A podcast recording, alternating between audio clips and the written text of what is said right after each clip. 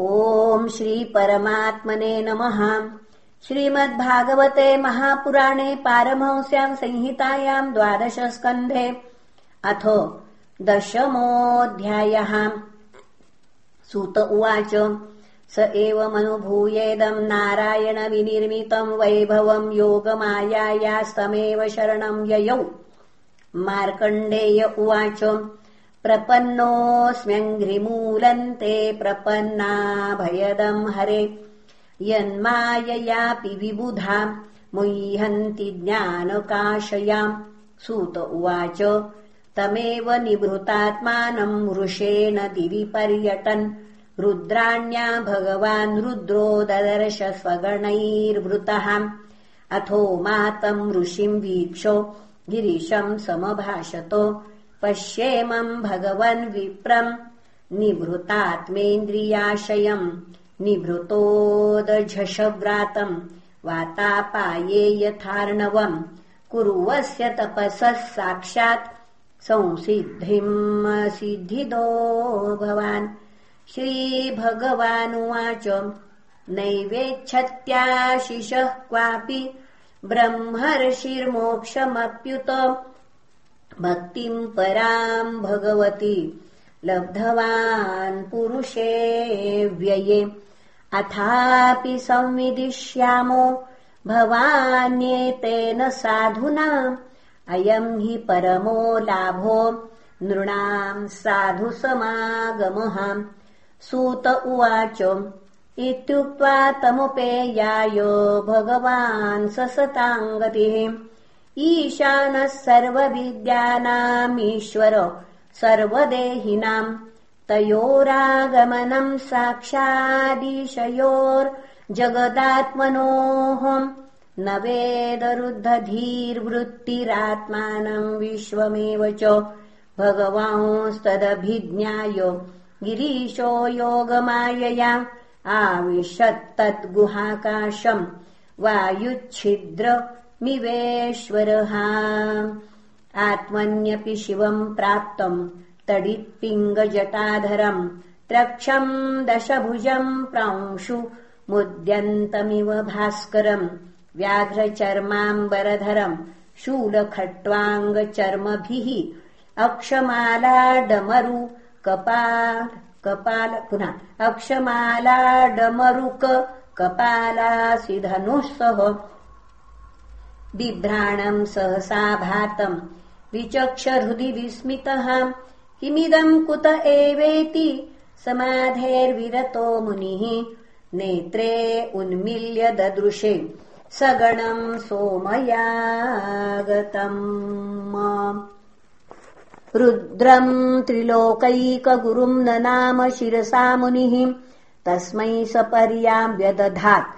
सगणान् स होमयाम् स्वागतासनपादार्घ्यो पुनः स्वागतासनपाद्यार्घ्यो गन्धस्रग्धूपदीपकैः आह चात्मानुभावेन पूर्णकामस्य ते विभो करवाम किमीशान येनेदम् निवृतम् जगत् नमः शिवाय शान्ताय सत्त्वाय प्रमृडाय च रजोजुषेऽप्यघोराय नमस्तुभ्यम् तमोजुषे सूत उवाच एवम् स्तुतः स भगवानादिदेव सताङ्गतिः। परितुष्टप्रसन्नात्मा संस्तमभाषतो श्रीभगवानुवाच वरम् वृणीष्वन कामम् वरदेशा वयम् त्रयः अमोघम् दर्शनम् येषाम् मर्त्यो यद्विन्दते मृतम् ब्राह्मणा साधवः शान्ता निःसङ्गा भूतवत्सलाः। एकान्तभक्ता अस्मासु निर्वैराः समदर्शिनः स लोकालोकपालांस्तान् वन्दन्त्यर्चन्त्युपासते। अहम् च भगवान् ब्रह्मा स्वयम् च हरिरीश्वरः न ते मय्यच्युते जे च भिदामण्वपि चक्षते। नात्मनश्च जनस्यापि तद्युष्मान्वयमीमहि न ह्यम् यानि तीर्थानि न देवाश्चेतनोज्झिताः। ते पुनन्त्युरुकालेन यूयम् दर्शनमात्रतः। ब्राह्मणेभ्यो नमस्याम्यो पुनः। ब्राह्मणेभ्यो नमस्यामो।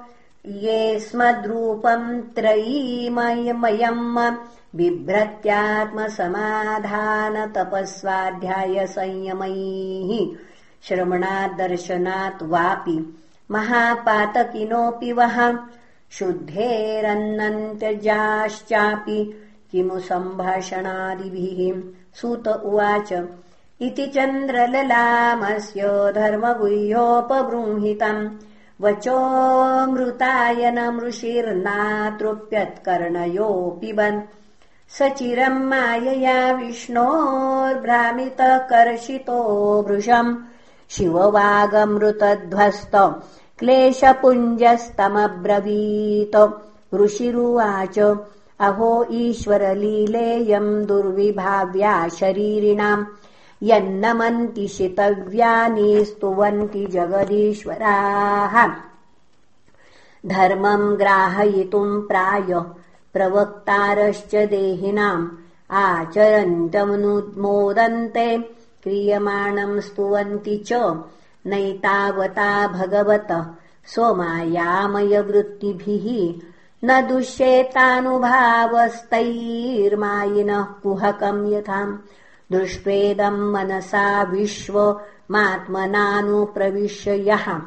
गुणैः कुर्वद्भिराभाति करतेव स्वप्नदृग्यथा तस्मै नमो भगवते त्रिगुणाय गुणात्मने केवलायाद्वितीयाय गुरवे ब्रह्ममूर्तये।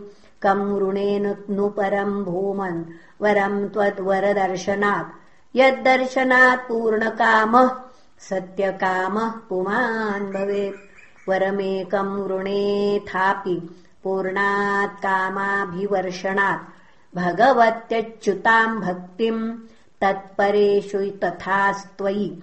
सूत उवाच। इत्यर्चितोऽभिष्टुतश्च मुनिना सूक्तया गिरा तमाह भगवान् शर्वः शर्वया चाभिनन्दितः कामो महर्षे सर्वोऽयम् भक्तिमंस्त्वमधोक्षजेम् आकल्पान्ताद्यशः पुण्य मजरामरता तथा। ज्ञानम् त्रैकालिकम् ब्रह्मन् विज्ञानम् च विरक्तिमत्। ब्रह्मवर्चस्विनो भूयात्। पुराणाचार्यतास्तु ते सूत उवाच एवम् वरान् समुनये दत्त्वा गात्र्यक्ष ईश्वरः देव्यै तत्कर्म कथयन्ननुभूतम् पुरामुनाम्। सोऽप्यवाप्तमहायोगमहिमा भार्गवोत्तमः विचरत्यधुनाप्यद्धा हरावेकान्तताङ्गतः अनुवर्णितमेतत्ते मार्कण्डेयस्य धीमतः अनुभूतम् भगवतो मायावैभवमद्भुतम् एतत् केचिदविद्वांसो माया संसृतिमात्मनः अनाद्यावर्तितम् नृणाम् कादाचित्कम् प्रचक्षते य एवमेतद्भृगुवर्यवर्णितम् रथाङ्गपाणेरनुभावभावितम् संश्रावये संशृणुयातावुभौ।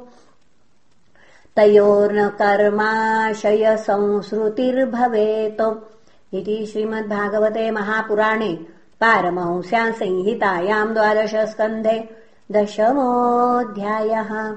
श्रीकृष्णार्पणमस्तु हरये नमः।